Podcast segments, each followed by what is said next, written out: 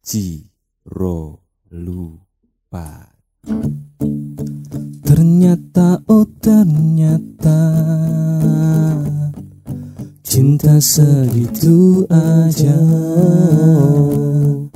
Ternyata oh ternyata Ini semua hanya drama Drama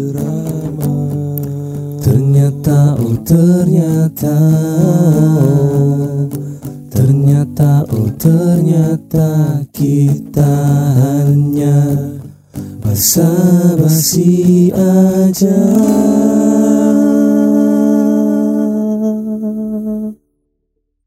Selamat datang kembali di podcast paling horor abad ini.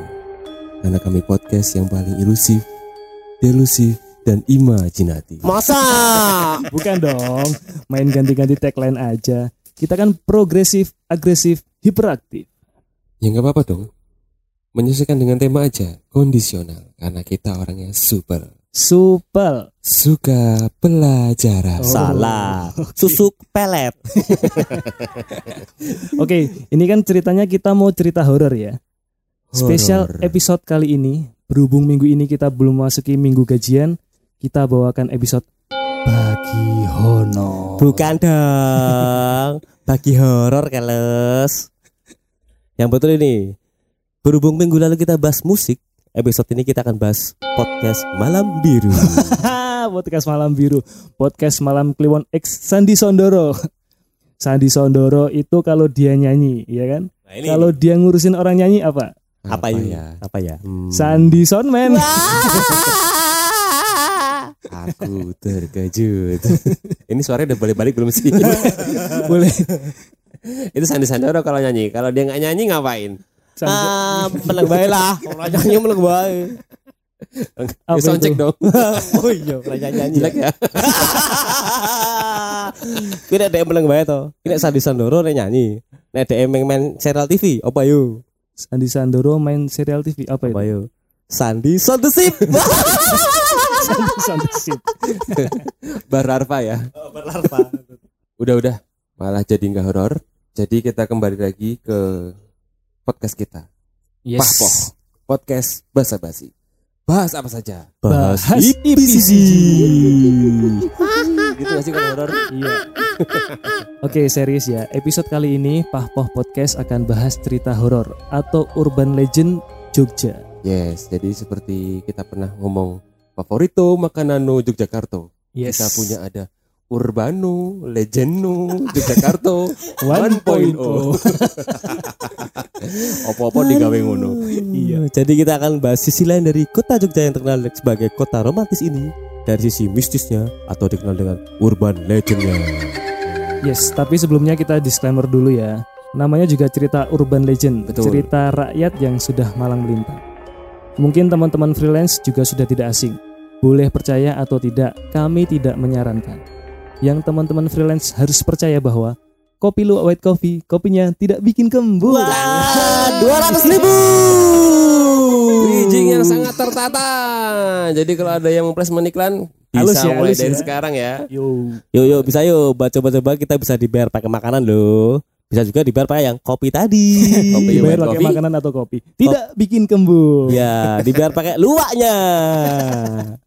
Luwak tidak ada diganti kucing. Wah. Oke, jadi kita mulai bahas horornya nih.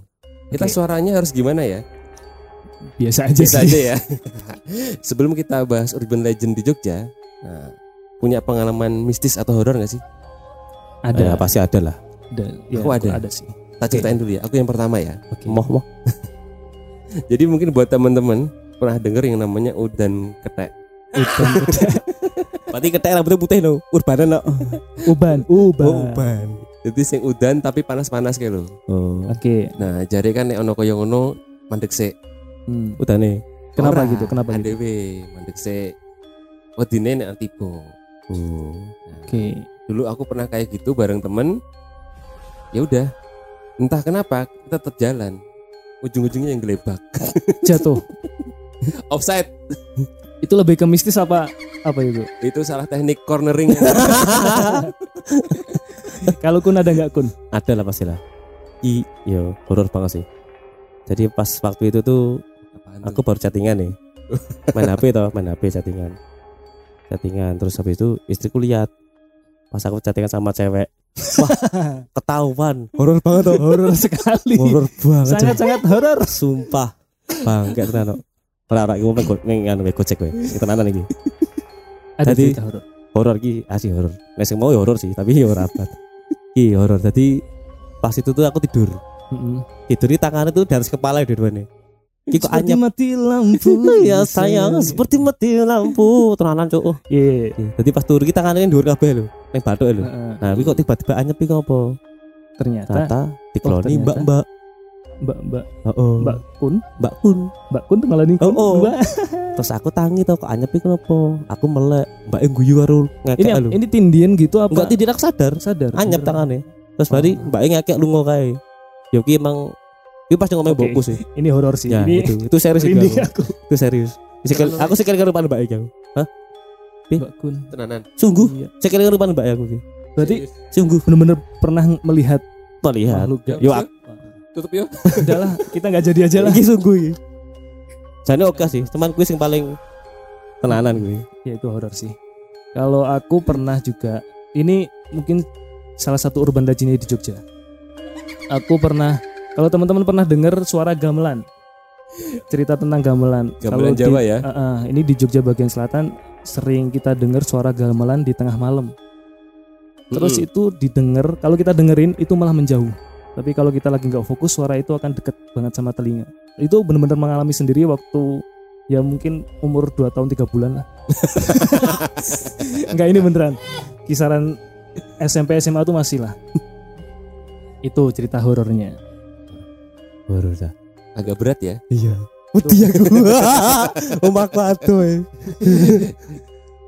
Kita bahas yang Chan aja ya. nah, sesuai dengan cerita Chan tadi, jadi kita yang Kunto kita skip ya. Jadi kita masuk ke cerita yang pertama. Urban legend yang pertama. Suara gamelan dan drum band di tengah malam. Yes. Biasanya itu katanya kata teman-temanku ya, Mm-mm. itu jam 11 sampai dengan jam 1 malam. Iya, biasanya tengah malam betul. Hmm. Saking terkenalnya, cerita ini tuh jadi urban legend sampai turun-temurun di kota Jogja. Kalau untuk suara drum band, menurut pojok.co, TNI AU yang bermarkas di area Bandara Adi Sucipto pernah menyatakan bahwa suara tersebut berasal dari latihan taruna mereka yang biasa dilakukan pukul 4 sampai 5 pagi hari. Nah, tadi kan kita biasa sering dengar itu tengah malam, jam Tengah 11 sampai jam 1. Gak relate dengan latihannya dari TNI AU yang jam 4 sampai 5 pagi hari tadi. Hmm, Jadi pada ya. pada akhirnya itu banyak yang percaya bahwa suara tersebut berasal dari makhluk gaib. Uh. Konon katanya, Uh. kalau ada pendatang baru ke kota Jogja dan diperdengarkan suara tersebut, itu tandanya dia disambut dengan baik oleh para penghuni kota Jogja dan katanya bisa betah di Jogja. Toh? Amin, amin, betah. Ya diaminkan aja. Amin, Untuk yang itu diaminkan aja. Iya, kan betah amin. Ya tapi kan sebenarnya mungkin ada sisi ilmiah ya yang bisa menjelaskan Pasti, pasti. itu gitu. Jadi aku pernah dengar tuh di suatu cerita di sekitar tahun 90-an itu pernah ada seseorang yang mencoba nih melacak suara drum band tadi yang di AU. Ya, Udah dicari sampai sana sampai Maguwo. Ternyata suaranya malah pindah dari arah selatan. Dan ketika dia mencoba ke arah selatan, suaranya pindah lagi dari arah barat. Sebenarnya agak aneh ya kalau suara tersebut dari kegiatan manusia ya. Siapa juga yang latihan drum band dan gamelan tengah malam seperti itu ya? Mm-mm. Hmm, jadi suara drum band dan gamelan ini sebenarnya banyak versinya. Apa aja tuh? Ada yang menyebutkan bahwa itu suara pasukan khusus pengawal kerajaan Yogyakarta yang sedang berpatroli. Namun mereka tidak terlihat oleh manusia biasa gitu. Gaib. berarti pasukan gaib gitu ya. Mm-mm. Kita kembali ke cerita saya di awal tadi. Karena cerita urban legend ini bisa dibilang saya juga mengalaminya sendiri. Jadi sekitar tahun 2007 atau 2008 awal setelah gempa, saya ajak teman kampus nginep di rumah. Dia adalah salah satu alumni SMA yang dulu sempat viral karena SMA tersebut kesurupan massal. Mungkin teman-teman pernah dengar. Jadi, ya? eh, kita nggak usah sebutin nama SMA-nya. Oke. Jadi Nama kepala intinya- sekolahnya aja. Jadi intinya temen temanku itu dia sudah akrab dengan cerita horor. Jadi singkat cerita, perjalanan ke rumah saya di daerah selatan yang merupakan salah satu daerah yang terdampak gempa Jogja di tahun 2006. Waktu itu eh, menjelang maghrib, tiba-tiba teman saya itu berhenti di persimpangan. Di persimpangan jalan benar-benar berhenti. Eh, terus pandangannya Mandek gitu dia, ya. Heeh, dia pandangannya menatap ke arah tenggara. Tenggara itu ke arah pinggir sungai, Sungai Opak. Itu posisi sudah gelap dan arah pandangan dia itu juga ke tempat yang gelap. Tapi tiba-tiba dia nanya ke saya, "Itu apa di sana kok terang banget?" katanya. Kok di sana kayak lagi ada hajatan rame-rame, ada musik kayak gamelan. Udah, di situ udah ngerasa nggak beres.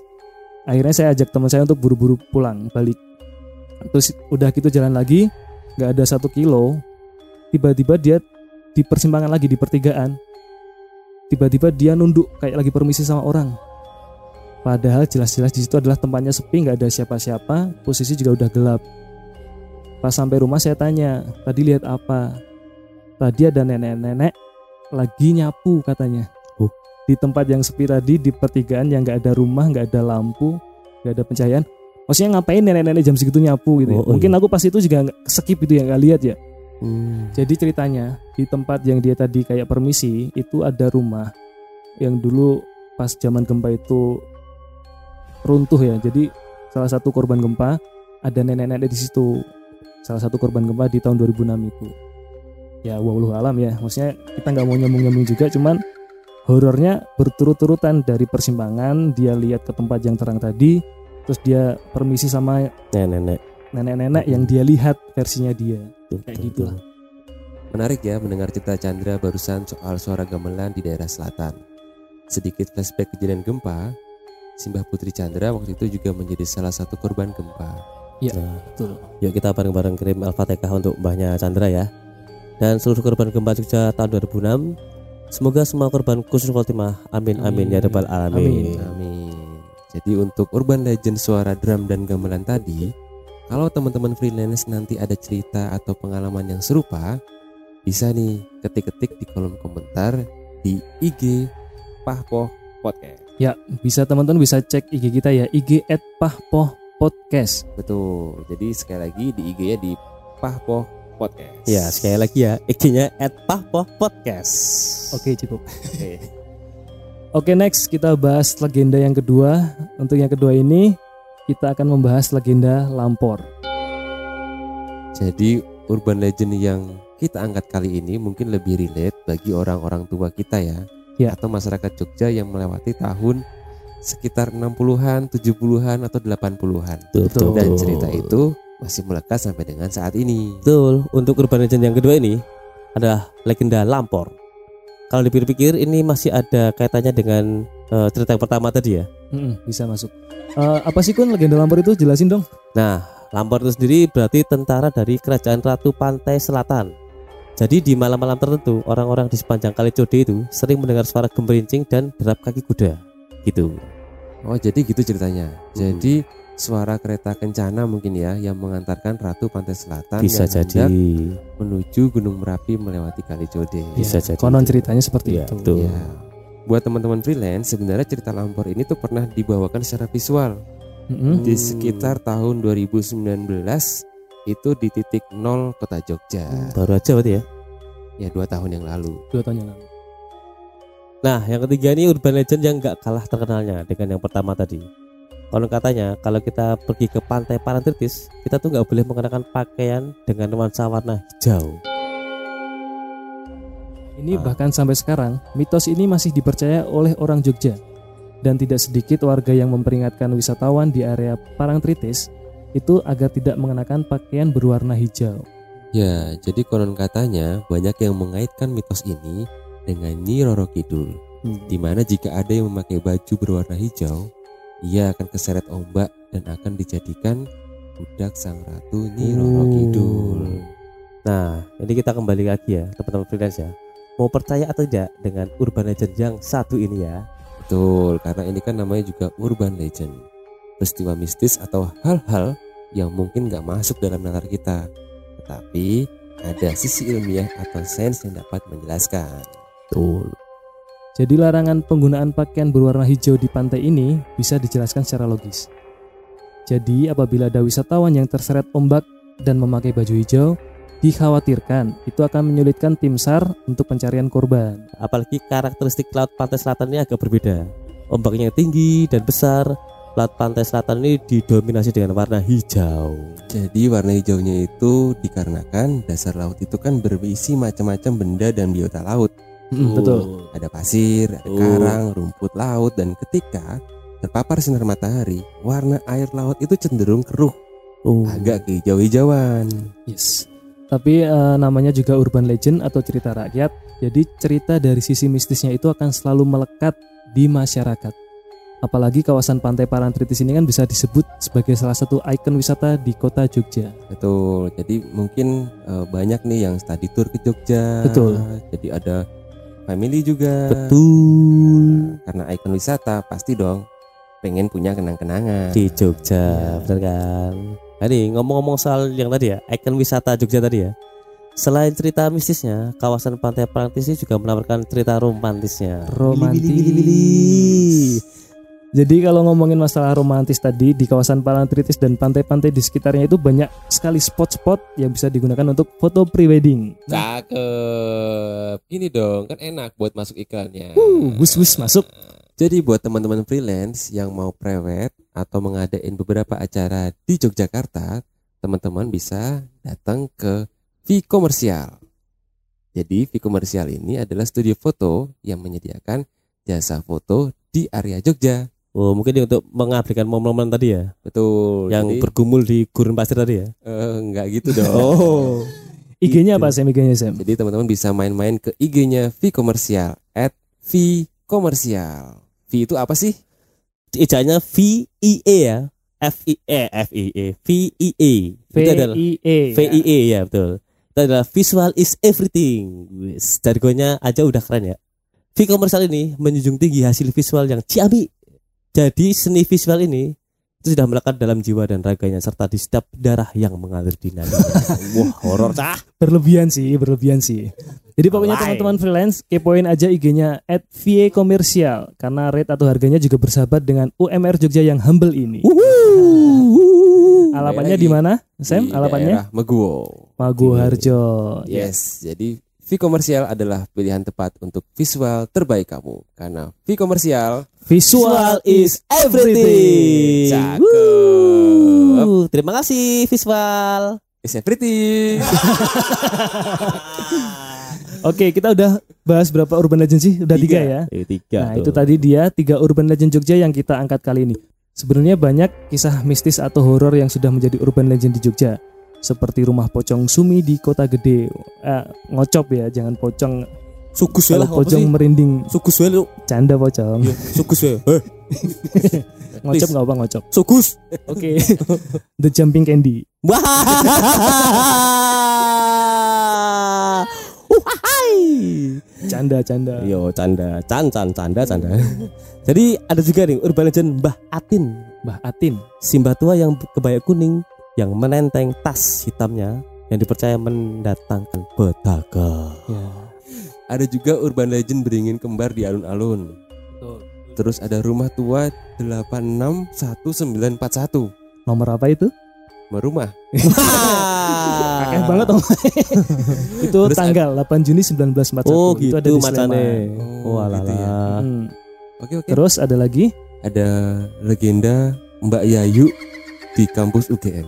Oke.